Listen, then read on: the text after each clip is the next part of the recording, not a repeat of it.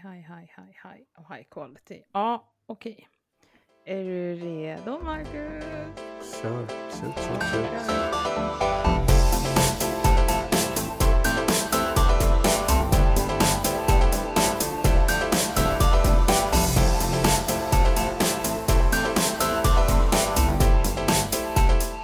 Välkomna tillbaka till Gastric Fantastic Podd med Milla och Mimmi. Tjo hejsan! Tjo hejsan! Idag har vi med oss en eh, gäst som jag är väldigt pepp på. Men alltså, vi har ju med oss eh, eh, Marcus, Marcus Lagerström. Och alltså, du är ju terapeut. Psykolog. Ja, psykolog. Eh, Vad är skillnaden? Uh, psykolog är en egen utbildning. I den så ingår också att man har ska vi säga, moment där man det här som kallas för terapeututbildning. Men det är ju ganska många psykologer som faktiskt inte jobbar som det. det är, alltså, du kan ju... Jag tror att eh, mellan rummet, tummen och pekfingret, så på fem år så 80 procent av det jag läser är annat. 20 procent är typ behandling, psykopatologi. Ja, men alltså, vi lär oss allt om människans psyke. Liksom. Hur funkar man i grupper? Hur funkar man på arbetsplatsen? Hur ändrar man i organisationer? Hur funkar våra sinnen? Alltså det, det är en jättebred utbildning. Folk tänker klassiskt på någon sån här ja, men Freud-divana hej och hå, men det är en mycket bredare utbildning än så. Sen finns det andra vägar till det här yrket som terapeut. Man kan läsa grundläggande psykoterapiutbildning, sen kan man läsa vidare till psykoterapeut. Och det är en legitimationsgrundande utbildning. Så att läser man den då har man en legitimation av Socialstyrelsen att man kan bedriva terapi att säga, på egen hand.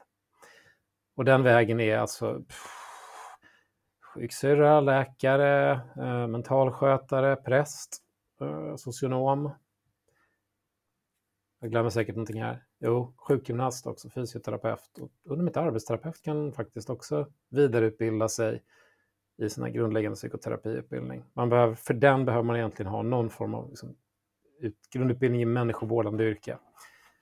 Så terapeut betyder egentligen bara någon som pratbehandlar, skulle man kunna säga. Eller inte ens det. Fysioterapeut är ju någon som faktiskt behandlar sjukdomar i rörelseapparaten. Ja, sant. Mm. Så långt hade inte ens jag tänkt. Nej, Nej, det är inte ingen fara. Jag visste inte vad skillnaden mellan psykiatriker och psykolog var när jag började min egen utbildning, så att det, det är helt fine. Det, det, jag hade ingen aning om det när jag började där. En psykiatriker är alltså en läkare som efter sin läkarutbildning specialiserar sig i psykiatri. Mm. Så har vi Men- avhandlat alla de här titlarna. Exakt. Men du jobbar alltså då med... Är du ni- nischad inom det här på något vis? Liksom? Ja, det kan man nog säga. Att jag... Ja. På vilket vis då? Ja, medan jag fortfarande pluggade så den som jag hade som handledare då för det här säga, terapiträningsmomentet var behandlingsansvarig på en enhet som hette skönvikt. Och det var en ganska nystartad fetmaenhet som låg i Dalarna. Och de behövde folk till sina gruppbehandlingar så jag fick tillsammans med några andra börja jobba där medan jag pluggade. Så det var ju liksom en, både jättekul såklart att få vara behandlare på riktigt. Men sen fick jag, vi har, vi gör, läkare gör någonting som heter AT, vi gör någonting som heter PTP, praktisk tjänstgöring för psykologer. Så man jobbar ett år med lite ordnade former, man har handledning regelbundet och så vidare innan man får sin legitimation. Så tänkte jag, jag kan göra mitt PTP i år där. Jag menar ett år i Säter uppe i Dalarna, det, liksom, det går ju fort. Um, så jag visste att jag skulle få bra handledning och bra stöd och så. Uh, Ja, där vart jag kvar till 2015 då, i ganska många år. Uh, Men så råkade jag snubbla ner i Göteborg där på något vänster och träffade en kirurg som heter Torsten Olbers. Eh, som väl hade letat lite grann med ljus och lykta efter en psykolog. Vi är inte så jättemånga som är helt insnöade i det här fältet. Eh, jag var lite intresserad av forskning och det sa han, men det kan vi fixa. Så helt plötsligt så hamnade jag i Göteborg istället i juli 2015. Så jag har varit här sedan dess. Och det som kanske var då egentligen den största skillnaden var att här hamnade jag direkt på en kirurgmottagning. Jag jobbade uppe i Dalarna så jobbade vi de första åren med att banta med KBT. Eh, livsstilsbehandling med KBT. Men eh, ja, den som är inläst på forskningen så vet man att det där inte fungerar speciellt väl på lång sikt. Så det gjorde det inte för oss heller. Så jag tror jag 2011 så packade vi bara ihop allt det där i en rasande fart för att vara en landstings eller regionsenhet, alltså ett halvår. Och bara jobbade runt kirurgi. Men eh, vi satt ju där, vi var tre psykologer då tror jag. Och vi visste ju att våra patienter hade ju alla möjliga bekymmer som vi, liksom, våra kunskaper var, var användbara för. Alltså vad som helst egentligen, ätstörningar, trauma, hej och Så. Så även om vi inte längre jobbade med liksom just viktinriktad livsstilsbehandling så jobbade vi fortfarande med, med liksom KBT och man kan etablera regelbunden måltidsordning och jobba med fysisk aktivitet eh, för helt andra mål än vikt. Det är alldeles utmärkta saker att jobba med för att förbättra allmänt mående till exempel. Så just det här med liksom komplikationer när det hade stökat till sig efter kirurgi, det såg vi inte så mycket av där, där vi satt. Jag hade några enstaka patienter. Men eh, när jag kom till Göteborg så fick jag ju helt jag brukar säga det här, man får ta det här med, med glimten i ögat. Så här. Men liksom, jag kom hit och så fick jag väl ungefär en lista med 50 namn som var, ja det har inte gått så bra här, vi vet inte vad vi ska göra. Kan du hjälpa någon så är vi tacksamma. Ja, lever lite, lite på skoj, men eh, jag spenderade nog det första året här nere med att jobba jättemycket med alltså, jättesvåra komplikationsfall. Um, och försökte väl ja, men se vad, vad av det som jag, vad jag kan, men som så här svåra hypoglykemier, det är blodsockerfall som en del människor drabbas av. Jag har inte sett nästan någonting av det i Dalarna. Så det var ju så här, okej, okay, jag har ingen aning. Kan, är, är, det här, är det här KBT? Går det, går det att jobba med beteendeförändring och beteendemedicin? Men det tog ju inte så lång tid när jag insåg att men okay, det, här, det här är någonting annat. Det här är inte, det här är inte beteenden och ät rätt. Det här är någonting som är paj i systemet. Det, ingenting av det jag gjorde var sådär överdrivet verksamt eller så. Och sen fanns det väl patienter som egentligen hade mer än väldigt, väldigt, väldigt omfattande psykisk ohälsa som stökade till det. Och då fick man förklara för kirurgen att det är ingen idé att börja skära mer, det kommer inte gå. Det, det, här, är, det här är andra saker. Även om människan lider, men er verktygslåda kommer inte att funka. Och jag är, även om jag är duktig på mycket av det där så kan jag kan inte trolla. Så det ägnade jag mig åt ganska mycket det första året här. Fattar. Men jag tänker då, alltså när det är... Eh, du har ju ändå sett en del då, både liksom komplikationsmässigt men också det här psykiska. Mm. Men det som du har var, varit med om där, då, tycker du ibland att eh, det är för lätt att få en behandling, kirurgisk behandling? I, är, är det, alltså man skulle tänka att om man skulle försöka uppskatta en procent som kanske hade behövt jobba lite mera person först det som är svårigheten med det där, um, det är att vi vet inte vilka med psykisk ohälsa som kommer att få problem. Det finns en massa människor som har allehanda olika liksom, former av psykisk ohälsa som det inte blir problem för. Och börjar vi liksom stänga dörren för det där så kommer vi stänga dörren för en massa människor som faktiskt hade kunnat fått ett helt nytt liv. Så jag tillhör de, som, det gör i och för sig tror jag de flesta psykologer, tänker internationellt nu, som jobbat har jobbat i det här fältet. Det finns några sådana namedropping, typ Stephanie Sogg och Radcliffe och dem i, i England. Vi tycker nog ganska lika allihop att vi som psykologer, vi ska egentligen inte stänga ute folk. Vi ska försöka göra allt vi kan för att underlätta. Så jag har jobbat jättemycket med posttraumatiskt stressyndrom. Jag har gjort hela min karriär. Och nu i och för sig sen metoo och så vidare så är det där på tapeten. Nu, liksom, det går ju faktiskt att få behandlingar för PTSD. Eh, alltså, innan 2015 så... Ja, man kunde se, väldigt sorgligt då, man kunde se i journalen att någon hade skrivit PTSD och sen bara står det år ut och år in. Och det är en väldigt behandlingsbar diagnos. Det är på inte så komplexa fall så är det väldigt, liksom, man behöver inte ha det så där. Så. Behandlingen är svinjobbig, men eh, på tio veckor så är man i allmänhet av med sina problem.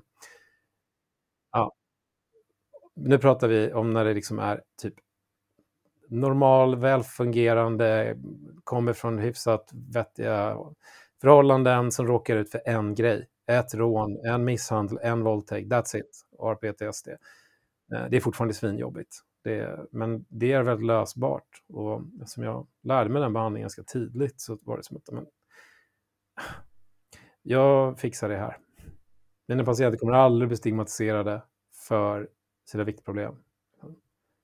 Det, det här är sådana saker man ska säga officiellt, men jag hade någon diskussion i, när jag jobbade uppe i Dalarna. Vi hade en tillförordnad chef en period som var från psykiatrin.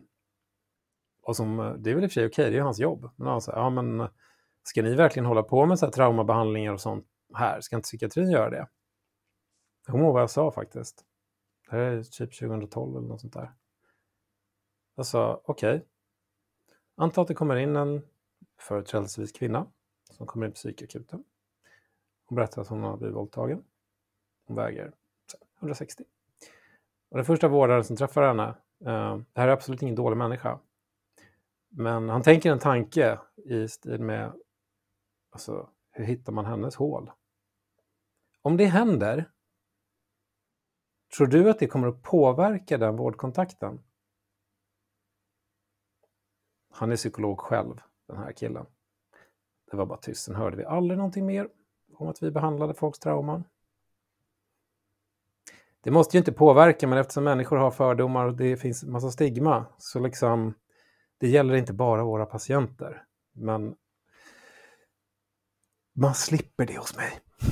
Jag skiter i vad folk väger eller vad de har vägt. Liksom. Ja, du har råkat jäkligt illa ut och mitt jobb är att hjälpa dig. Jag skiter i om du väger 200 kilo eller 100 kilo eller 50 kilo. Jag skiter i det. Jag behöver inte veta det. Det spelar ingen roll för att jag ska kunna hjälpa dig.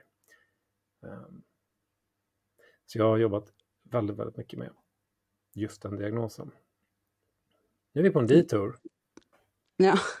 Det brukar bli så med Det blir ofta detours. Men önskar att det var så i allt, att man inte såg alltså kroppen och bara gick på vad behöver du hjälp med. Det är ju det vi vill ska liksom bli mer av inom, inom vården.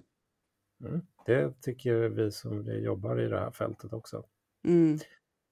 Att det skulle vara bra. Det gagnar inte någon. Det är ingenting som blir bättre av det.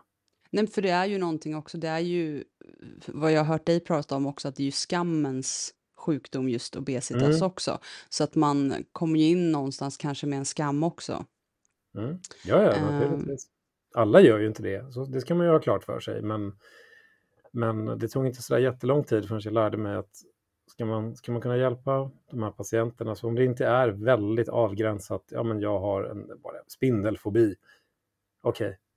Ja, ja, det, det, men så fort det har att göra med allt som har att göra med fetma, alltså kroppsuppfattning eller ätbeteenden, mm. äta bland andra, vad det än är, så behöver man fatta det. Man behöver förstå hur den känslan fungerar och hur man hjälper folk när det är problemet. Mm.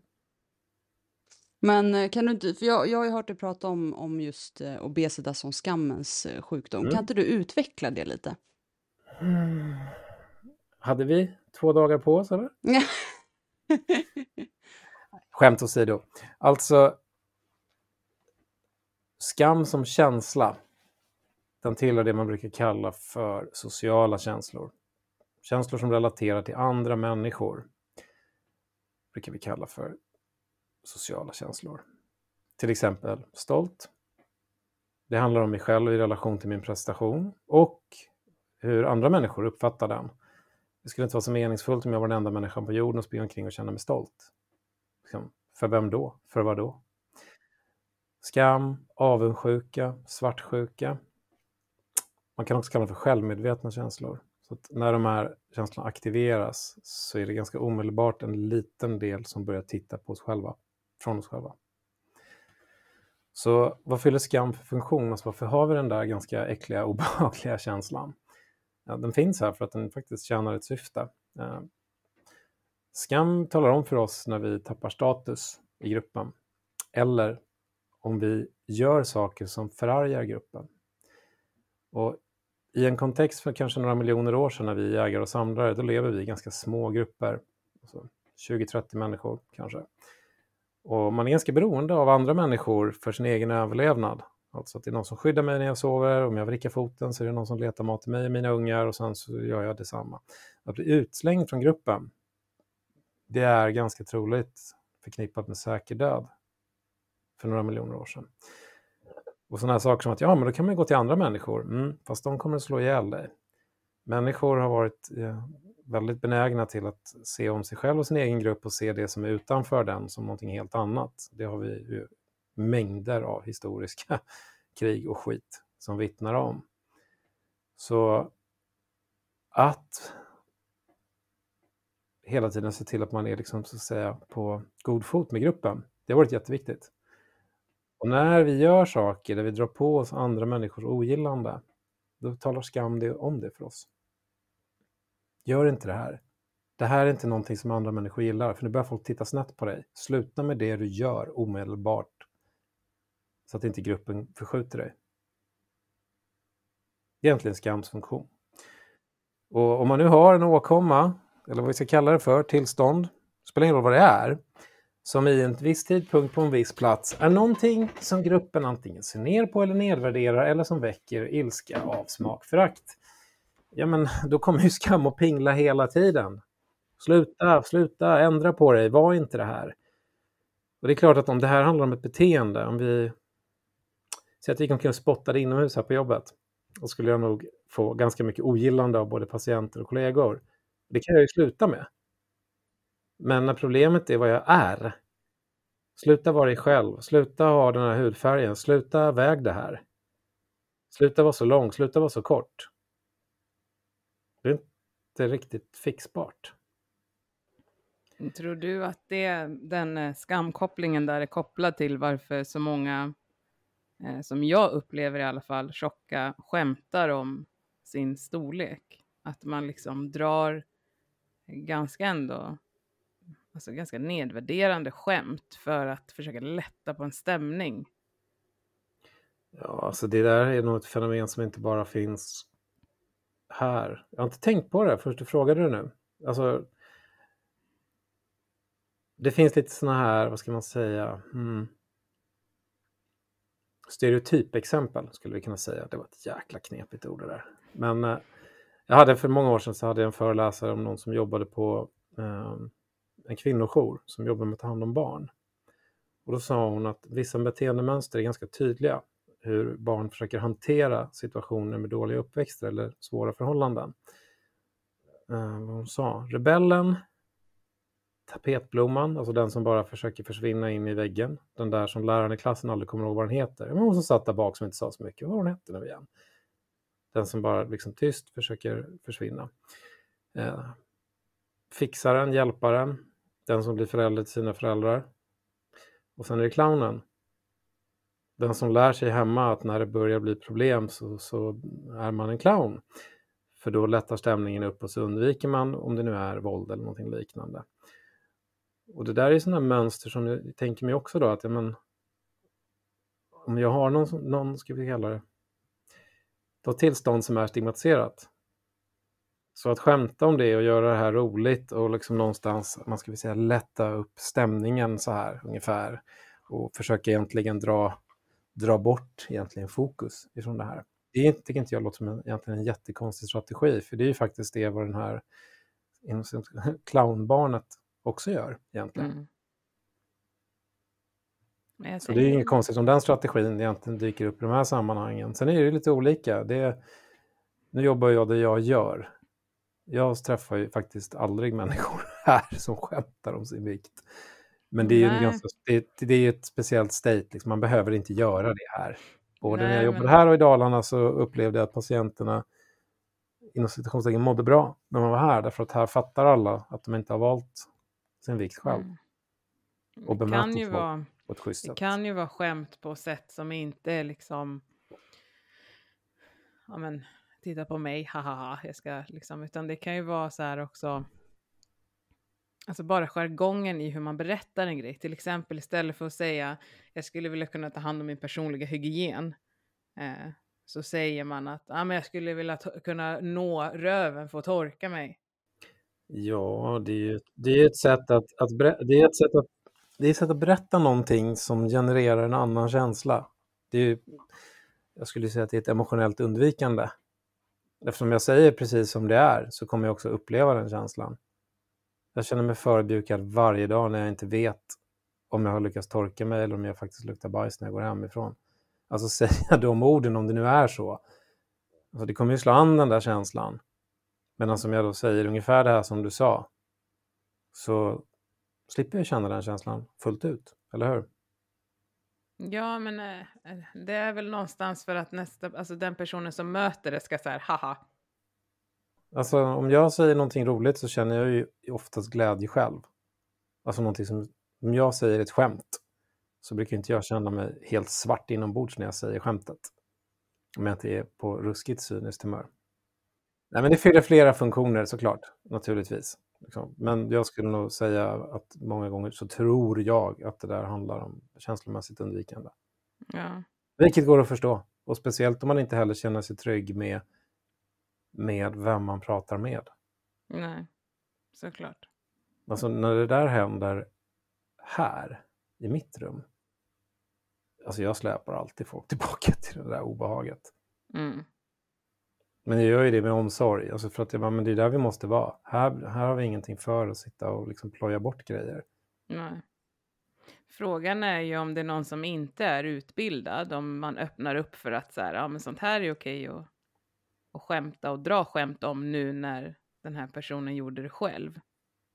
När man egentligen då så försöker undvika Ja, ja, nej, men det är, väl, det är väl mycket möjligt. Alltså att någon hakar på det där tåget. Och problemet är ju det att det finns ju väldigt, väldigt mycket skämt och komiker och hej och hå som har skojat på ett ganska nedlåtande sätt. Mm. Vilket gör ju då att den som sitter där och bara, ja men vi skämtar bara, ja fan, tog man flygfoto på ditt eh, skolkort eller? Fast det var inte så kul längre. Och det är det jag tänker om det liksom eh, följer med sen för man, man blir ju färgad på något vis, även om man jobbar inom vården och, eller om, så här, och sti, jag tänker med stigman, om, om det... Men samtidigt, hur mycket ska man få skämta och hur mycket ska man inte få skämta och vad får man skämta om och vad får man inte skämta om? Men, men hur mycket påverkar, alltså vi påverkar... Alltså, vi har, vi har, alltså när man säger att humor måste få fri, man måste få skämta om allting, men så, det, det suddas ganska så friskt i det där. Det är inte så populärt alltså, att säga n-ordet. Det är ju liksom ingen som gör längre. Att stå och skämta om det på en stand-up-scen i Stockholm idag, alltså, det vet jag inte. Då, då behöver du vara svart själv, annars går det inte. Så att, det går inte ens då. Det, nej, precis. Det går inte ens då. Tack och lov. Det är ju bara jätteskönt att det är så. Men här, så här okej, okay, men om vi, om vi nu tycker att det faktiskt inte är okej okay att skämta om de grejerna, då varför ska det här vara okej okay att skämta om? Det är det som jag inte förstår heller. Det finns en artikel, den är, tror jag kan vara från 92. Jag tror att det faktiskt egentligen är en uppsats eller en exjobb, men det var så bra så att det blev publicerat. Men den heter typ, om jag översätter så heter den Fetma, den sista bastionen av fördomar. Och vad artikeln egentligen beskriver då är just det där att men, det är inte okej att skämta om svarta, det är inte okej att skämta om, om judar, det är inte okej att skämta om det här, liksom, eller folk reagerar. Men där, alltså det gäller för allt, men inte fetma. Där får man fortfarande skoja och bete sig precis hur illa man vill. Det är fortfarande liksom okej i samhället. Det är ganska bedrövligt att den artikeln, den skrivs ju alltså för 30 år sedan och i mitt tycke är det inte så där överdrivet mycket bättre idag. Nej, nej det är det inte. Och sen tycker jag att allting ofta vinklas till att eh, det handlar om karaktär och vad du stoppar i munnen och inte egentligen ja. runt omkring. Jag, förstår, jag, jag, vet inte hur vi ska komma ifrån det där med karaktärsbeskyllning. Om det är någon som har en idé så. Nej, det gör inte jag heller. Jag har föreläst om de här sakerna sedan egentligen 2010. Mm. Att så här, men det här handlar om genetik, det handlar om helt andra faktorer. Liksom, det, det, handlar om människor som funkar annorlunda, vissa människors mättnad och hungersystem funkar inte som hos alla andra människor gör och så vidare. Och så vidare, och så vidare, och så vidare, och så vidare. Um, Vad får du för respons?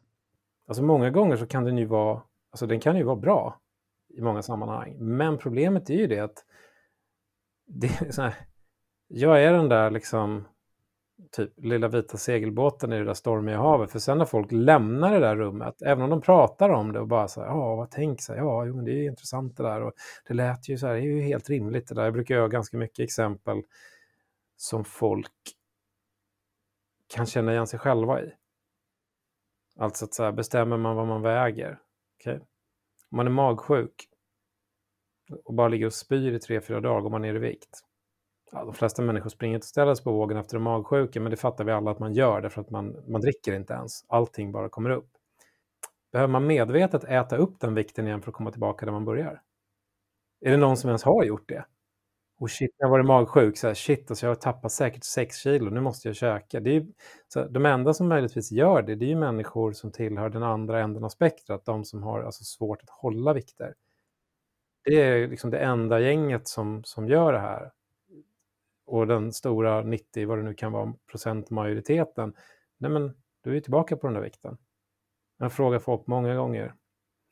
Kommer du ihåg Expedition Robinson? Ja. Mm i slutet där, när de har den där utrustningen där, då har det ju liksom pågått ganska många månader och folk väger ju ganska mycket mindre än när de börjar Robinson, eller hur? Så, ja. Om du ser alla de där deltagarna som sitter där i örådet efter ett år, vad tror du de väger? Som när örådet slutar eller som innan Robinson började? Det är ingen som inte har svarat alltså i instantfart, eh, som innan. Ah, med andra ord, din hjärna förutsätter helt automatiskt att folk kommer att vi, om de har en lägre vikt vid någon tidpunkt så kommer de att ha den vikten de hade vid en tidigare tidpunkt. Så när folk intuitivt, vilket är, det är ju rätt ju, när folk intuitivt fattar alla de här grejerna som bara, men varför tror du att människor, människor ska kunna gå ner i vikt som har en viktproblematik? När alla andra cases är att vikten hela tiden drar sig tillbaka till där den var innan ett specifikt tillstånd. Och säger man det här, och då är det så här, folk bara hmm, oavsett om jag står och ritar liksom grafer och forskning och hela den biten, utan bara så här, ja, men tänk själv. Vad är din egna erfarenhet? Och så bara, hmm, det har jag ju rätt i. Sen går man ut i, går ner fyra kilo till sommaren, Biggest Loser på tv, eh, lite reklam i brevlådan ifrån någon av våra liksom, eh, olika små sekter runt om i landet som tycker man ska betala pengar till dem för att gå ner i vikt. Och då är det ganska lätt att det där som jag sa, det blurras liksom bort med tid. Och det här har jag ju sett alltså bland vänner och kollegor som ju verkligen vet, jag har några kvinnliga exempel, som sen käkas liksom upp i hela det här kroppsuppfattningsskitsgeggan. Mm. Och man liksom bara, vad sa du? Skulle du banta? Och så bara, du fattar inte det? Jo, jag gör ju det, men du kommer inte vinna den vägen i alla fall, kära vän. Mm. Liksom. Ja, det är sant alltså. Det, men går, går det in bättre, för du använder ju lite metaforer och lite så här, Mimmi är också en metaforgud. Eh, och känner du att du liksom, för att jag kan ju ibland förstå Mimmi bättre om hon kör sina metaforer, för det, men känner du också att du kanske når fram bättre ändå, fast de går ut därifrån och så här, ja det där var bra sagt och så, så Känner du ändå att jag ska det... Inte, jag ska inte såga mig själv, så det, det, är inte så egentligen. Det är bara det att jag tänker att liksom, många gånger under årens lopp så har jag liksom tänkt att så här, ja, men nu, nu händer det någonting, nu vänder det någonting. Men det finns ju massa olika såna psykologiska fenomen för det där. Det finns någonting som heter confirmatorisk bias. vad det betyder egentligen är att om vi har en uppfattning om någonting, vad det än är, så kommer min hjärna att se saker som bekräftar den uppfattningen och missa mycket oftare saker som säger emot det. Så det gör att liksom, jag har en idé om, vad ska vara? Alla alkoholister är fattiga, typ så här. Och så kommer jag se, och så bara artikel i tidningen, alkoholiserad man, och så bara, ah, kolla det är en sån här fattig, kolla, kolla, kolla. Och så ser jag liksom inte artikeln som handlade om typ byrådirektör någonting som har stora alkoholproblem. Jag ser den inte ens. När jag flyttade ner hit 2015 så var det en, det finns en sån här review-artikel, en sammanställningsartikel som är skriven av en kille som heter Soar. Eh, som ju var egentligen bara som vanligt en slakt av allt som har att göra med bantning och hej och och en massa liksom, det här funkar så här, det här är genetik och det här och det här och det här. här. Det var en halv sida i Göteborgs-Posten där någon har skrivit ett referat av den där artikeln som var jättebra. Och man bara, okej, okay, nu måste det ju ändå hända någonting. En halv sida i liksom en av den, den största dagstidningen här nere. Eh, alltså, hörs inte ett ljud. Inte ett ljud. Man bara, men så här, hur, hur, hur är det ens möjligt? Liksom? Men det är så här det fungerar och det här har jag genom årens lopp Ibland känner man det här ganska uppgivna. Så här, vad fan gör jag i den här branschen? By, byt, bara jobba med trauma istället bara. Så slipper jag den här frustrationen av att försöka förändra någonting. För jag träffar ju alla de som lider av det här. Med sina liksom tragiska bakgrunder av mobbning och skit som har att göra med fetma. Och utanförskap liksom. Ja, ja det, det vet man allt om tänkte jag säga. Mm, jo, men det är ju så. Patienterna vet ju allt om det här. Mm. Ja, någonting som jag i alla fall inte visste om var ju hur fäst jag ändå var vid mitt tidigare utseende och min tidigare storlek. Och hur jag kände mig som att jag var... Alltså vad ska man... Det var nästan som att min kropp var ett skal. Och så var det som att jag var där inne någonstans som en blurr bara och styrde en robot som fick helt annat eh, bemötande och Mhm. respons utifrån.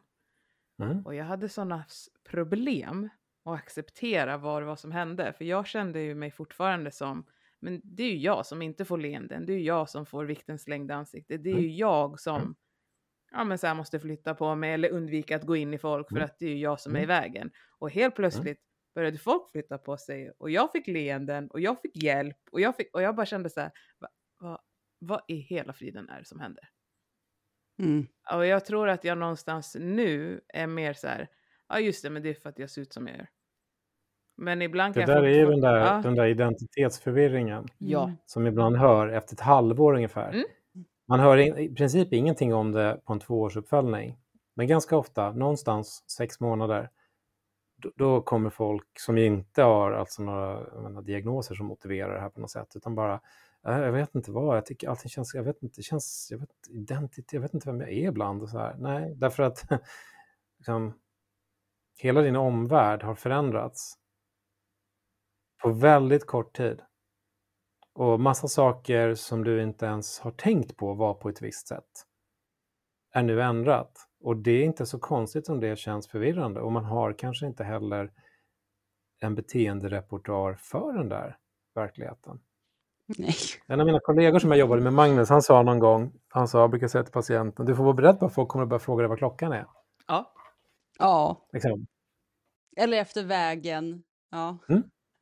Folk pratar med dig vid busshållplatsen Ja. och det har ingen gjort kanske någonsin. Folk sätter sig bredvid en i kollektivtrafiken. Det har inte heller hänt förut. Nej, precis.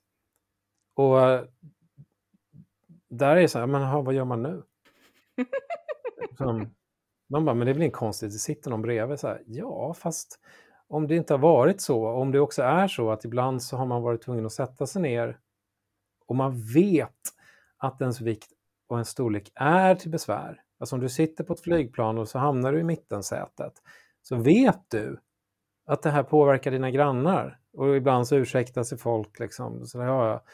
Jaha, okej, så du har ju en, en beteenderepertoar för vad du gör i de där situationerna. Men så sätter du sig någon bredvid dig och bara hej, läget, var ska du någonstans? Va? Men det är bara en normal konversation. Ja, fast du är inte van vid den. Nej, jag kan fortfarande ibland tycka att det är... Alltså jag blev... Jag eh, jobbar ju på det. Men eh, jag är ju kanske lite trögare än alla andra då, för att jag tänker ju så himla mycket också. Men jag kan ju fortfarande bli irriterad eh, när folk pratar, speciellt när män pratar med mig. För att jag vet att de inte hade Är det här ett försök att avsluta den här podden nu eller? Absolut inte. Nej, men Ja, nej, nu rundar nej. vi av den här. Jag blir så Nej. irriterad när män pratar Nej, nej. Jag menar ju män jag som, alltså, ja, nej. Ja, Mm, ja, ja. flört, alltså den moden. Mm, ja. Och då kan jag bli så otroligt irriterad för jag vet att den personen alltså hade, aldrig någonsin hade kommit fram. Aldrig. Och då, folk kan säga att "Nej, men du har en annan utstrålning nu och bla bla. Nej, det har jag inte. Jag har ett utseende som lockar. Punkt bara. Nej men alltså det är verkligen så. Jag är samma busiga, spralliga, men nu har Alltså jag... jag, kö- men så här, jag köper det du säger till kanske 80 procent. Men det som, det som är en skillnad, det är, för det ser man... När jag går ut och hämtar mina patienter i väntrummet, så när man har gjort det här ett tag, så de som har smärtor, när de reser sig så vet jag, okej, det här är en sån dag. Liksom. Jag ser det på deras gångstil. De behöver bara ställa sig upp så vet jag, okej. Men det finns en annan grej, det är också när man öppnar dörren, när man har hållit på ett tag med någon behandling av någonting. Och så ser man i ansiktet, man bara, nu har det hänt någonting. Därför det sitter en person vars ansikte är alltså långt mycket mindre plågat. Jag har funderat många gånger på, för jag kan inte exakt precisera vad det där är. Jag har tänkt jättemycket på det här, vad är det egentligen jag ser? Men jag vet när jag går och hämtar den här människan att okej, okay, nu har det hänt någonting. Därför att man får en, en fridfull look. Istället för att se jagad ut. Så här, ah, nu har liksom hela det här inre känslokaoset som det ju så ofta är med skam, att när poletten trillar ner ungefär, men jag är okej som jag är, det är inte mitt fel. Och när man liksom verkligen landar i det så att man tror på det, ja men då, då slutar ju liksom det här ska vi säga, självföraktet som genererar ett, liksom, ett ständigt obehag. Man, man liksom loopar ju det här själv. Men när man slutar med det så är det ganska skönt. Och det ser man, när man liksom öppnar den där dörren så bara, nu har det här, liksom, många sätt så, det ser ut som att du mår rätt så bra. Ja, jag mår jättebra. Och det tänker jag nog ändå att det här är nog den delen som jag tror patienter underskattar. Alltså har man slitit med något skit, vad det än är, under kanske hela sitt liv, och så slipper man äntligen det. Det är klart att det försvinner ju en ganska mycket sorg och förtvivlan med det. Det syns. För den som vet vad man tittar efter. Men jag köper till, jag köper till 80 procent vad du säger. Och de som säger det här, ja men du skiner, du ser mycket gladare ut. Ja just det, men det är de som känner dig. Och den där snubben på gatan som glider fram till dig och frågar om du vill ta en kaffe, han känner inte dig. Så han vet inte hur du brukade se ut. Men dina vänner, de ser det. Jag bara menar att han hade ju inte, de hade ju inte approachat. Nej, Nej, det är klart att det inte är så. Men när dina vänner säger att ja, men det är för att du skiner och hej och hår, det är inte bara för din vikt. Uh, ja, nej, det är inte bara det.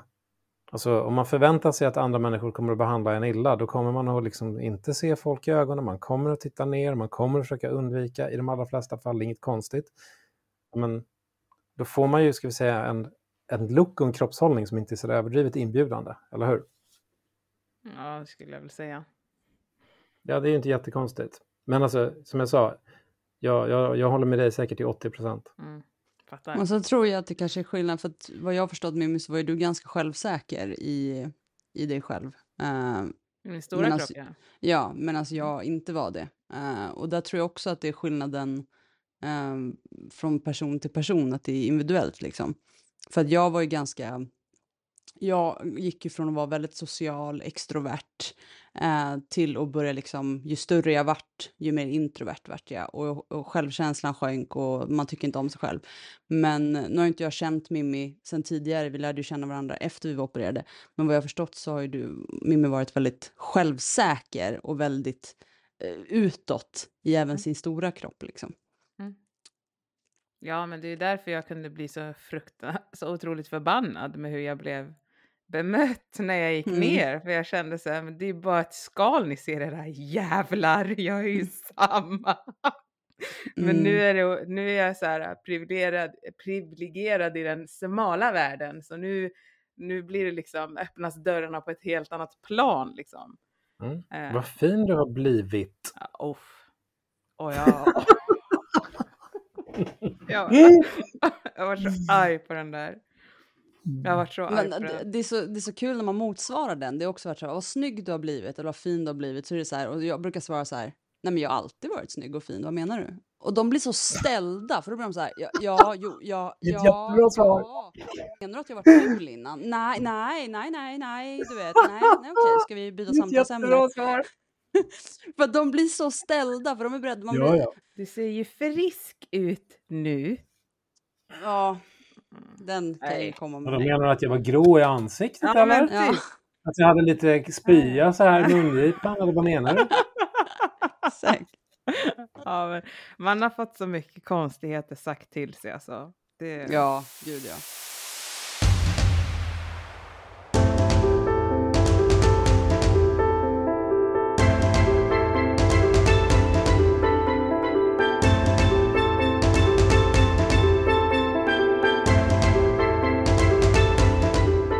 Jag sa det för en stund sedan.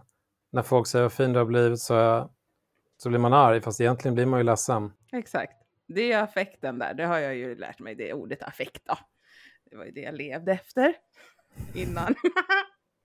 Nej men så att eh, jag tycker att eh, Och det kan ju vara ganska kul ibland när jag pratar med mina vänner som jag, alltså mina barndomsvänner och så här, så kan jag vara så här, ja, där är affekt. Jag undrar vad det är för känsla egentligen som hon försöker förmedla nu. Men det kommer liksom inte fram. Då kan jag fråga ibland så här, är du besviken på mig?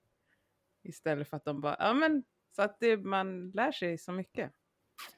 Men jag är Det- långt ifrån klar med mig själv, så att ja, man måste gå i terapi. Alltså. Det är bara Där är en sån där intressant grej som du säger. Alltså,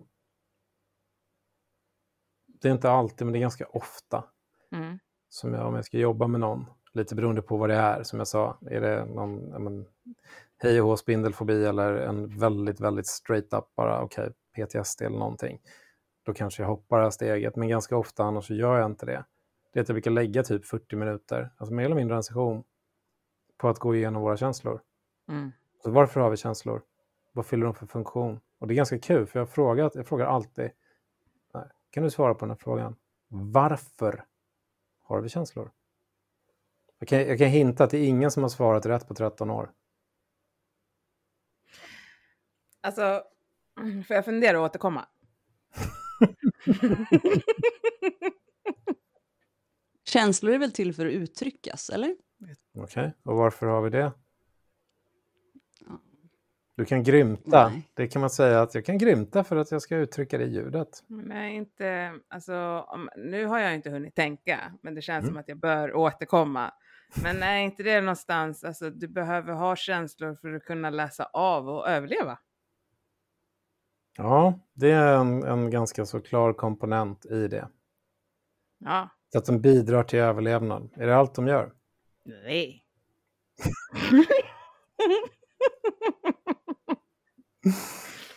Nej, men de, de bidrar till överlevnad och de eh, ser till att man har gemenskap. Men... eh, och Hur då? ser- Hur ser Ja, känslor men- till att man har gemenskap? Hur ser eh, avsky med- till att man har gemenskap? med att jag har, eh, kan visa känslor och, och så, Mm. så kan jag ju eh, dra till mig folk. Eh, för att det känns Ah, du menar att känslor har ett kommunikativt värde? Det var precis det jag sa. Mm. Mm. Men det intressanta är att oavsett då vilka svar man får på den där frågan eh, så brukar jag säga, men okej, skulle du säga att känslor är, tycker att känslor är någonting som är viktigt? Att det spelar en jättestor roll för vilka människor vi är och hur våra liv blir? Ni övertänker Oh Ja. nu. Ni, ni, övertänker. Jag menar, så här svarar i princip alla svarar ganska instant ja. Och då brukar jag säga det, det är ganska intressant. För Någonting som varenda människa är helt överens om är någonting som är jätteviktigt. Det kan typ ingen någonting om, förutom folk med de här yrkesutbildningarna. Så, så brukar jag börja det där och sen brukar jag spendera ungefär 40 minuter på att prata om känslor, primära och sekundära känslor, hur känslor målar över sig av andra känslor. Det är det som händer när man blir arg fast man egentligen är ledsen, att man klarar inte av att vara ledsen. Det kan finnas massor av skäl till det. Eh, Men problemet är att sorg reglerar sig inte om man står i arg. Men alltså, har du, har du några tips på hur man bemöter det? Alltså jag är en sån där, jag kände ju någonstans så här att äh, men, alltså jag, det här funkar inte för Mimmi. Samtalsterapi, here I come. Och sen har jag gått i terapi, utvecklat, jag har mina behov och mina gränser och jag är sårbar och jag bara lever life just nu med allting. Äh, men om man, om, man, eh, om man inte tycker så här att terapi är något för för en, vad- hur, skulle, hur bemöter man hela den här? Har du några Terapi supertips? terapi är något för alla. Jag vet, Ehm, jag tjatar alltså. Hon Alltså, pratar om blir- mig nu, fast hon säger Ja, det inte. Så. Nej, okej. okej. Det blir sådana här psykologiska svar, alltså det beror på. Därför att det, det där... Alltså alla reagerar inte riktigt på samma sätt. Det finns det här gänget som blir förbannad och blivit och sådär. Blir irriterade och arga liksom, för att det underförstått säger vad ful du var. Um, och det gänget behöver ju någonstans, liksom, för att inte gå omkring och bara koka över av ilska, det går ju att förstå. Men egentligen så är man ju ledsen. Egentligen är det ju sorg. Därför att det blir så uppenbart hur man har blivit behandlad. Även av folk som eh, man kanske betraktar som sina vänner och som egentligen nog kanske inte ens själva har tänkt på det. Men det här är ju stigma. Det är ju så här det funkar. Att man märker ju inte ens när man gör det här. När, när folk har gått omkring och varit förbannade så brukar jag försöka tänka, men okej, vi behöver kanske försöka ändra på det här. Inte för någon annans skull, men för din skull. För att det är jättejobbigt att gå omkring och vara arg. Uh, och då kanske man först behöver connecta med att man faktiskt är ledsen över hur det har varit. Och det är okej, man får vara det, det är inget fel. Liksom. Ehm, men sen får man tänka på vad egentligen intentionen med det de säger är. I allmänhet när någon säger det så menar de väl. Det är bara det att de fattar inte. Det är, om de förstod, om man fattar inte att när du säger det här så säger du ju implicit underliggande det här. Och det gör jätteont, förstår du inte det? Oj, nej, det har jag inte tänkt på. Då skulle nog folk sluta med det. Så att de menar ju inte illa. Det är inte det de vill. Utan då får man tänka, men okej, men egentligen så vill de säga någonting snällt. Det är bara deras bristande förståelse för var du kommer ifrån, speciellt om det är någon som själv inte har slitit med problematiken, gör att det blir klumpiga formuleringar. Så liksom, försök någonstans tänka, vad är intentionen egentligen? Ja, men det här är någon som vill väl, men de har inte vett att uttrycka sig för de förstår inte. Och det är inte för, det är inte för den andra människans skull, det är för sin egen skull. Sluta omkring, det, det är jättejobbigt att vara förbannad på allting hela tiden. Och sen har man ju det gänget som är så van vid att, nu är vi tillbaka i tapet, tapetblomma-exemplet, den som är så van vid att alltid ursäkta sig själv. När någon säger, vad fin du har blivit. Ja, nej, men nej, men det har jag inte. Nej, men det är inte. Nej, nej, men så är det inte. Och det, det, det är säkert bara ljuset och så vidare. Det är så här default mode. Man bara, mm, du behöver lära dig att bara säga tack, det var snällt. That's it. Därför någon, någon menar väl och det blir inte bättre av att du försöker förlåna bort det här av rädsla för att du ska liksom tänka om och jag, jag har ju aldrig varit fin. Alltså, jag, det går att förstå precis varför man gör det. Men det är bara det så här, okej, okay, fast du fortsätter ju trampa på dig själv. Här försöker någon människa faktiskt säga något snällt till dig. Men av rädsla för och för att det gör ont så knycklar du ihop det. Det blir inte bra varken för dig eller för den som försöker säga det. Ja. Oj, vad mycket patienter som får pröva, pröva det här. Bara, Alltså jag tycker du verkar vara en jättegullig och varm och fin tjej. Och så ser folk ut som man typ piskar dem i ansiktet, vilket är sjukt sorgligt. Och han sa, okej, okay. det är jättesorgligt att det här rimmar så illa med din självbild, så att när jag bara säger någonting snällt och vänligt till dig, så håller du på att gå i tusen bitar. Det här kanske är någonting man ska göra någonting åt, typ i terapi. Men där blir det så här, ja men bara säga, tack det var snällt. Och i början så är det jättekrampaktigt.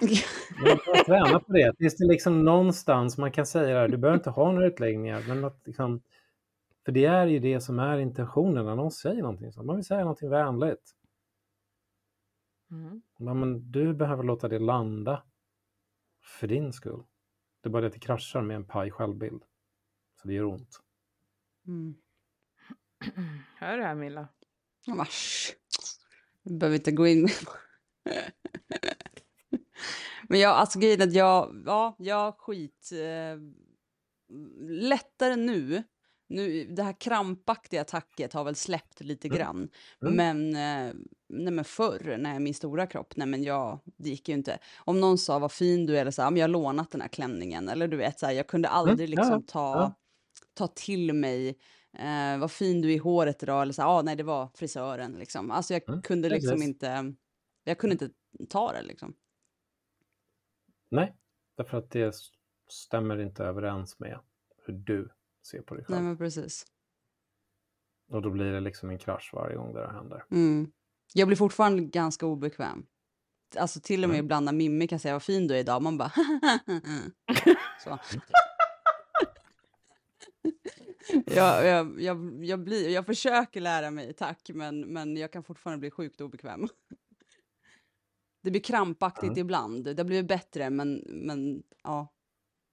Ja, men underförstått så är det ju någon som säger hej, nu ska du ta plats. Mm. Men det vill jag inte göra. Nej. Nej. Nej. Milla. Men det är ju också så här, men så här, tillbaka också när man har fått sagt till sig att man kanske inte är fin och du vet så, så när man väl får det sagt så blir det ju liksom, om man blivit uppväxt under ett x antal år och fått höra en sak mm. så tror man ju på det till slut liksom. Mm. Mm. Ja, ja, ja. botten, det, med ett sånt där fint psykologiskt ord kallar vi det för internalisering. Mm. När vi gör andras åsikter och uppfattningar till våra egna. Det finns, det finns en sån där klassisk som står på tavlan, jag ska säga den. Så att det situationen motiverar, det är att man är arg. Men det man är sittande med är bara sorg. Eller det situationen motiverar, det är att man känner sorg, men man blir bara sittande med att vara arg. Mm. Vem är man och vem är kvinna?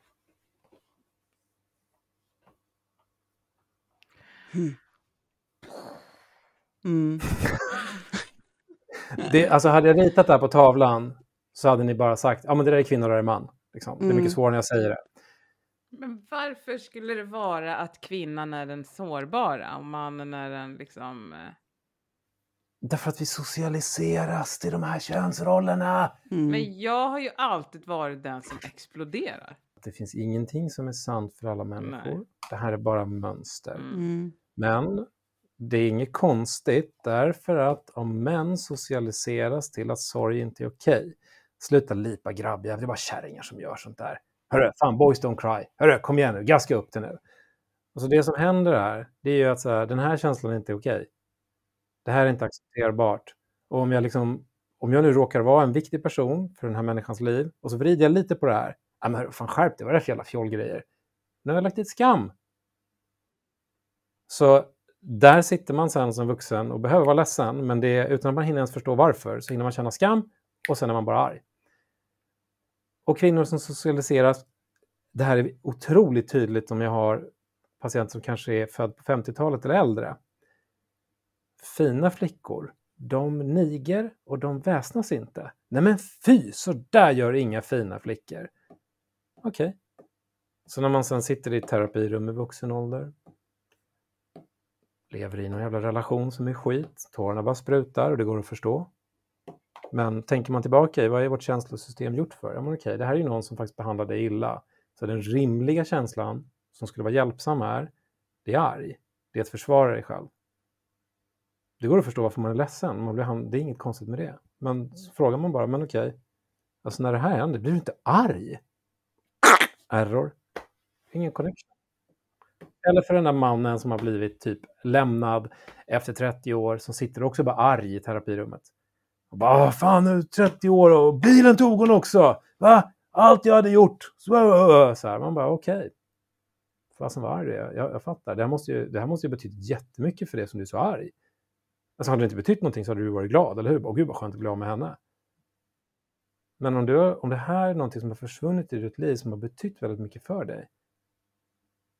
Är du inte ledsen? Ingen access. Vilket är ett problem. För man behöver kunna sörja. Det är funktionen av det. Och den som blir illa behandlad behöver kunna vara arg. Mm.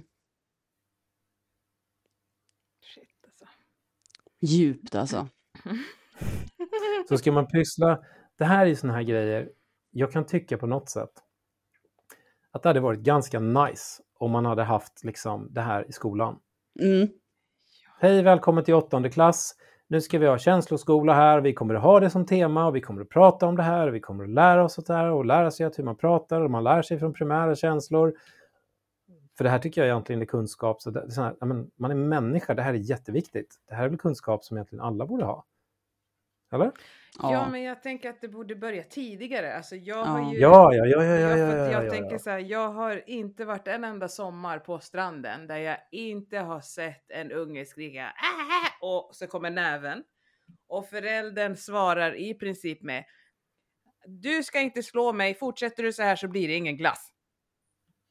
Ungen skriker hej vilt. Okej, men då går du jag iväg och köper glass nu, men då får du sluta gråta. Någonstans är så här. Fast när du slår mig får jag ont. Och om du vill ha min uppmärksamhet och vill prata med mig så får du uttrycka det i ord. Mm. Vart är liksom... Varför, som du säger, varför ska man muta barnen? Varför, så fort ungen är arg så bara tr- tryck in en glass i käften. Här, ät. Eller paddan. Ja men ofta är det ju, alltså på stranden då så har jag hört så här, om du inte beter dig så här då blir det ingen glass och vi åker hem på en gång. Va, vad är det du försöker berätta för mig? Varför är du ledsen? Mm. Hallå? Prata med ungen liksom. Eh, Men det blir jättedålig stämning om jag som främling ska gå fram att gå fram och säga det. Men ibland kan jag bara känna så här, men gud prata med barnet, sluta muta dem och sluta hota dem. Men det finns, det finns i, i compassion-fokuserad terapi, pratar vi ibland om generationstrauma. Nu är trauma ett ganska tungt ord här. Vi pratar inte om PTSD eller något sånt där. Och det är just att om man tänker sig ungefär att så här, ja, men farfar var ledsen, eh, gick till farfars far, fick boys don't cry, eh, avvisande, okej. Det här händer till och med kanske före farfar ens minns det har hänt. Så när far kommer till farfar och är ledsen, så farfar tycker att det är skitobehagligt. Han vet inte riktigt varför, men det är därför att hans minnen ifrån när han själv blev avvisad aktiveras, men han fattar inte det. Så han vet inte heller vad han ska göra. Och har inte heller haft någon modell som har visat honom, men vad gör man med en grabb som är ledsen? Ja, man tar upp honom i knät och kramar honom. Utan då är det så här, äh, men äh, vad fan, äh, sluta lipa nu. nu, nu går vi och gör någonting annat här, nu sätter vi paddan i handen eller vad vi nu gör för någonting. Fine. Far skaffar barn. Same shit händer igen. Han har ingen aning, han fattar inte varför han tycker att det här är så jäkla obehagligt, vet inte hur han ska hantera situationen. Alltså, det här går ju såklart att bryta av. Jag, menar, det, jag har haft många patienter genom årens lopp som har vuxit upp i, i helvetet på jorden, men som är ganska vettiga människor med en ganska fin moralisk kompass. Man bara, ibland har jag frågat det. Om du, har, du är ju faktiskt en jävligt schysst och reko människa, liksom, men du har ju vuxit upp i, i ja, men helvetet själv. Bara, ja, men det måste ju ta slut. Man kan ju inte bara fortsätta det här. Nej, fast det krävs ju ett medvetenhet och det krävs att man gör ett aktivt val. Men det är inte alla som gör det där för att man kommer kanske inte ens ihåg de här avvisandena. Och det är därför, Så man fattar inte. Nej, men det är därför jag tänker att det borde vara mandatory. Precis som att när du blir 18 så kan du köpa, kö, skaffa mobilabonnemang, du kan ta körkort. Du borde bara mandatory, minst 60 Mm. timmar terapi alltså. Du är 18, du bara gå. Gå bara. Ja, eller att man åtminstone i någon mening, det här som jag nu skjuter iväg lite grann från höften och förmedlar ganska snabbt där på en tio minuter, en kvart. Men att man liksom drog det lite långsammare och att man fick lära sig att Ja. förstå de här grejerna och jobba med det här. Ja. Vissa kommer, alltså, vissa kommer liksom med miljöer som faktiskt, där folk fattar de här grejerna. Mm. Mm. Och det är ju det som i, i, i så här anknytningsspråk brukar man prata om, att man har en trygg anknytning. Att man faktiskt har haft folk som har tröstat en och bemött en med värme, respekt och vänlighet. Så, ja, men då, då är man hyfsat väl rustad i de här sammanhangen. Mm. Men alla har ju inte det. Och även om, även om man kommer faktiskt från en ganska bra miljö så betyder inte det fortfarande att man, när jag säger varför har man känslor? Ja, ja, men det är evolutionärt framärvda system som har hjälpt till och faciliterat överlevnad för att till exempel kunna undvika faror, för att kunna undvika hot, för att kunna kommunicera med andra, för att kunna skapa allianser och band till andra människor. Nej, det svarar man ju inte. Fast jag gjorde ju det. Fattar man de här grejerna, och det här tror jag är en sån här sak som människor som är bra på att snacka med andra människor, jag tror att de fattar sånt här utan att de själv förstår det. Alltså, igen med den där mannen som jag tog som ett exempel, men är du inte ledsen? Varför säger jag det? Jo, för i samma ögonblick som jag säger de här orden, då kommer hans hjärna att blicka inåt, för jag ställer ju en fråga. Är du inte ledsen? Automatiskt så blickar den inåt. Och då ökar den där sorgen direkt.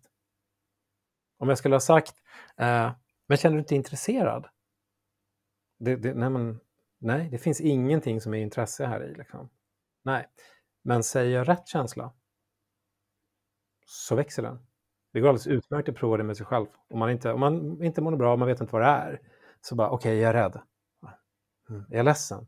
Är jag arg? Känner jag skam? Så, ah, där hände någonting i min kropp när jag sa rätt känsla. Okej, okay. så det är det det här handlar om. Men det här är ganska hjälpsamt, även om det här såklart är jobbigt. I terapi så får man ju vara jobbig. Det, folk fattar ju att liksom, ja, men jag kommer hit för jag behöver hjälp. Ibland när man säger någonting och någon bara, ah, men det, här, det här är så jobbigt, att inte prata om. Men är det kanske inte just därför vi behöver prata om det? Det här fattar alla. Alltså även om det är jobbigt så fattar alla. Att så här, jo, men det är klart att jag behöver det.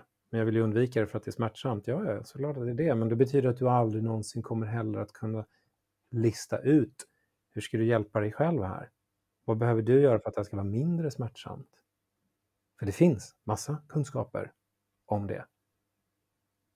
Oh, ja. Mm. Alltså, Ja. jag som ändå eh, känner att jag, så här, alltså du verkar ju vara otroligt reko, gr- reko snubbe alltså.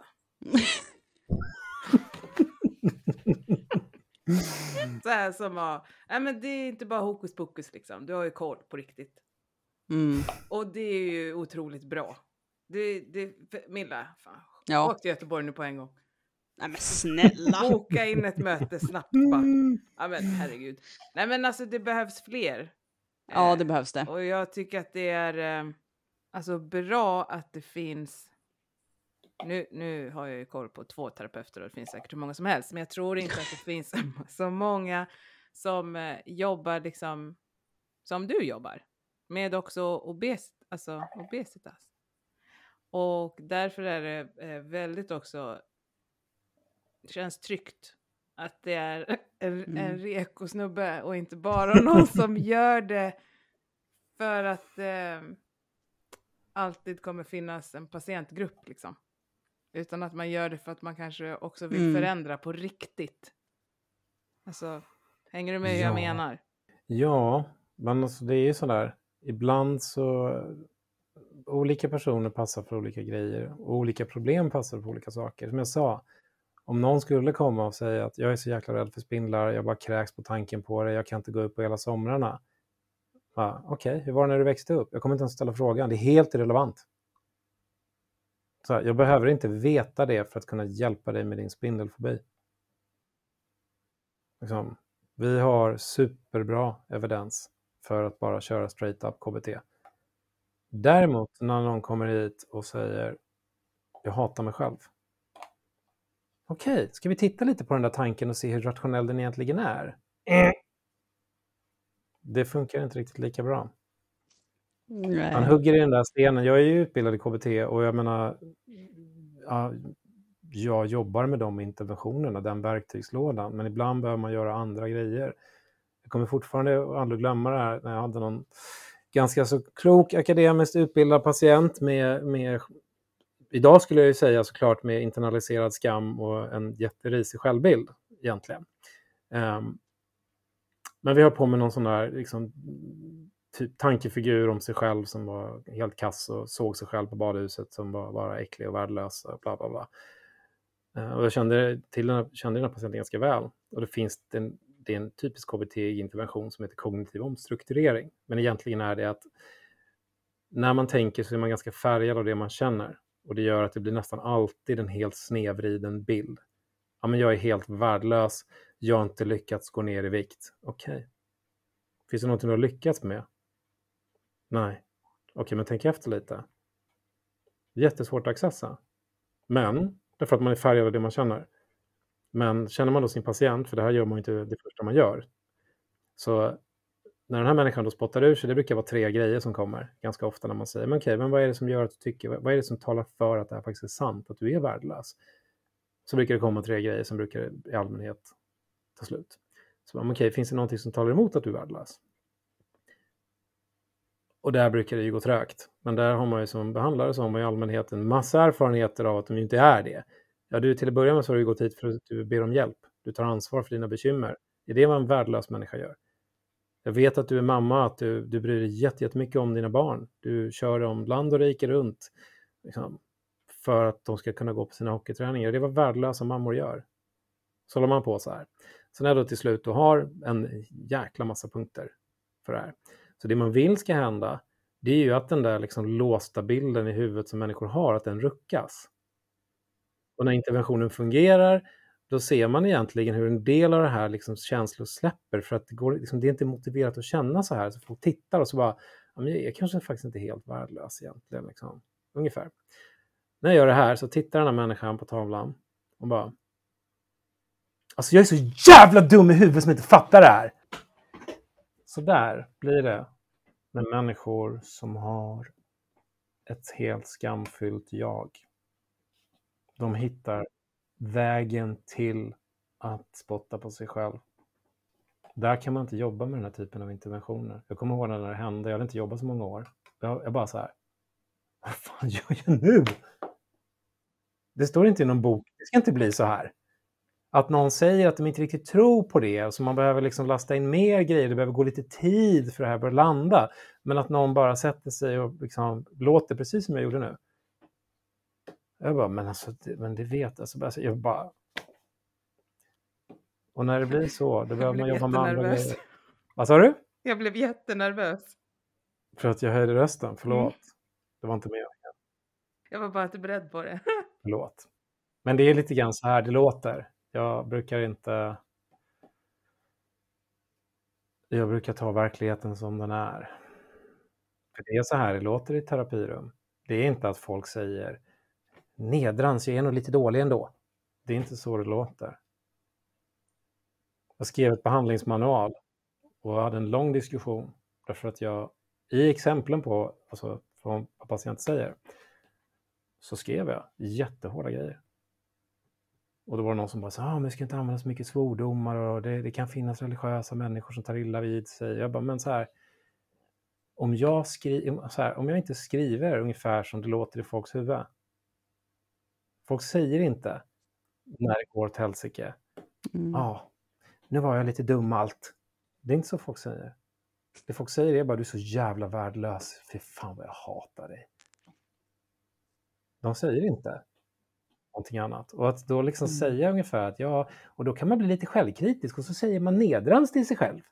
Det vilket betyder att den som säger precis det här som de flesta säger i en sån här situation, som bara rackar ner på sig själv, då är det så här, okej, okay, jaha, jag måste ju vara helt knäpp som säger som jag gör. Nej, nej, du är inte knäpp. Så här låter människor när man sparkar på sig själv. Har du något tips som du vill att alla ska av lyssnarna ska höra något så här psykologtips, något, något tips till obesitas-patienter, någonting bara ja, ja, till ska obesitas, liksom. enkelt. Liksom. Det är inte ditt fel. Eller vaknade du en dag och bestämde för att du skulle bli tjock? Ja, det gjorde du inte va? Ja, det blev det. Du har inte bett om det. Det är inte ditt fel. Den är fortfarande lika jobbig alltså? Den är skitjobbig. Men ändå är den lika, lika sann varje gång. Men jag fattar inte. Det som, det som är för mig blir ju hela den här grejen med att man... Men att man ändå så här någonstans, men det är väl där vi har pratat om att det, man färgas av generation efter generation efter generation.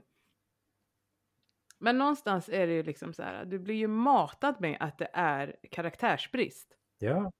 Och sen så ska någon, alltså för, för så kommer man till liksom ett specialcenter där man tänker så här, okej, okay, men nu har tjockisen hittat hem.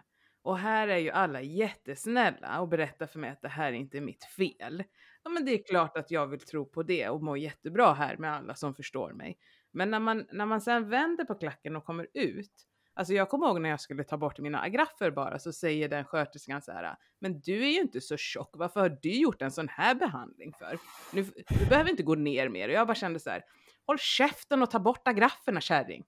Jag sa det ju inte, utan jag sa så här, ja. Alltså men jag bara kände så här, men det är ju ingen som hade sagt så om jag var på, på rätt ställe. Nej. Men det är ju ändå liksom, jag vet inte vad jag, jag vet inte vad jag vill säga. När det kommer till de här grejerna, så det är klart att det sa jag häromdagen i en viss litet tv-program.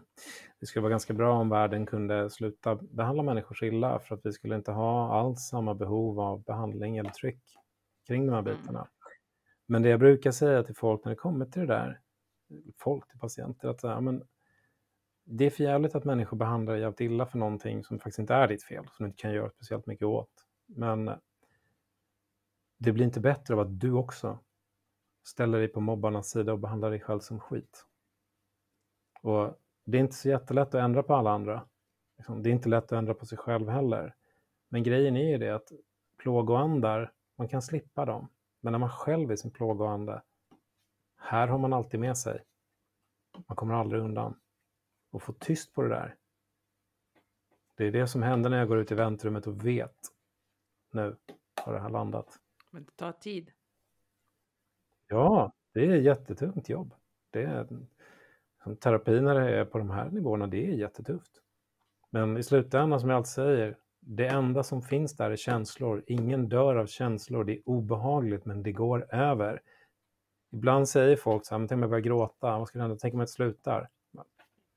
Känner du någon som bara började gråta och som satt där och bara gråter fortfarande? Jag har suttit där fyra år nu, slutar aldrig gråta. Men det funkar ju inte så. Men liksom, ovana, rädsla för obehaget gör att man liksom säger sådana där saker. Man måste säga, men alla känslor, det, det, är en våg, det kommer och går.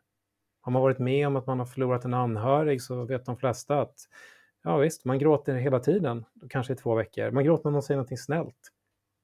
Men sen efter några veckor, sådär, ja men då gråter man kanske en gång om dagen när man känner av det här. Sen så börjar det bli att man gråter kanske helger eller när det blir väldigt påtagligt att den här personen inte är där. Medan man faktiskt kan börja liksom vara i sin vardag, man åker med ungarna till jobbet eller vad man nu gör. Och man tänker inte konstant på det. Och så småningom så blir det där någonting som ja, men, årsdagar eller någonting liknande. Ungefär så här. Så här funkar det vi kallar för okomplicerad sorg. Alltså. Och sen kan det där ta mer eller mindre längre tid, men i princip så funkar det så här. Om man inte håller på och ska börja bråka med det där, för att jag ska minsann inte vara ledsen och jag ska minsann vara stark och bla bla bla bla bla. Så terapi, ja, jättejobbigt, men fortfarande det som är jobbigt är känslor. Och känslor är inte farliga. Och de går över, alltid. Det är ingen som har fastnat i att jag blev skräckslagen och jag slutade aldrig vara det.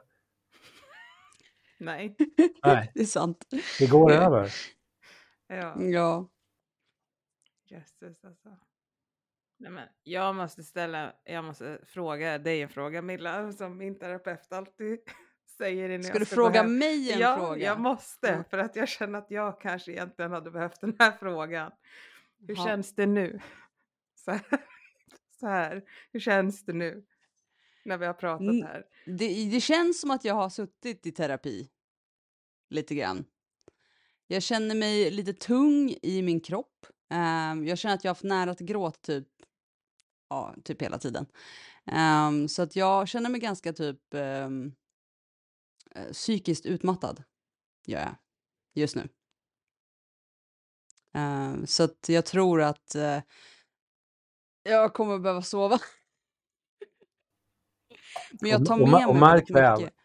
Eftersom det här är ju inte terapi. Allt jag har gjort är att förklara en massa saker. Exakt. Allt jag har gjort är precis som jag skulle göra med vilken patient som helst. Så här hänger de här grejerna Mm. ihop. Så här vet vi hur det här funkar.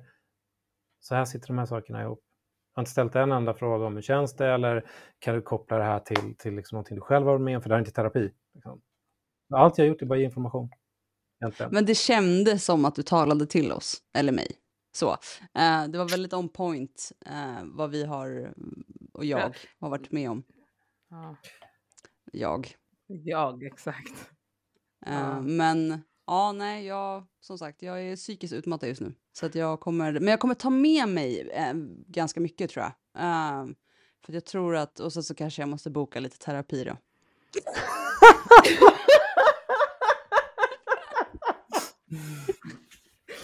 Så att ja, det var väl det hon ville höra egentligen. Nej, nu lägger du ord i min mun. Nej, men jag tror att eh, jag håller ju fast vid att jag tycker att alla borde gå i terapi. Liksom.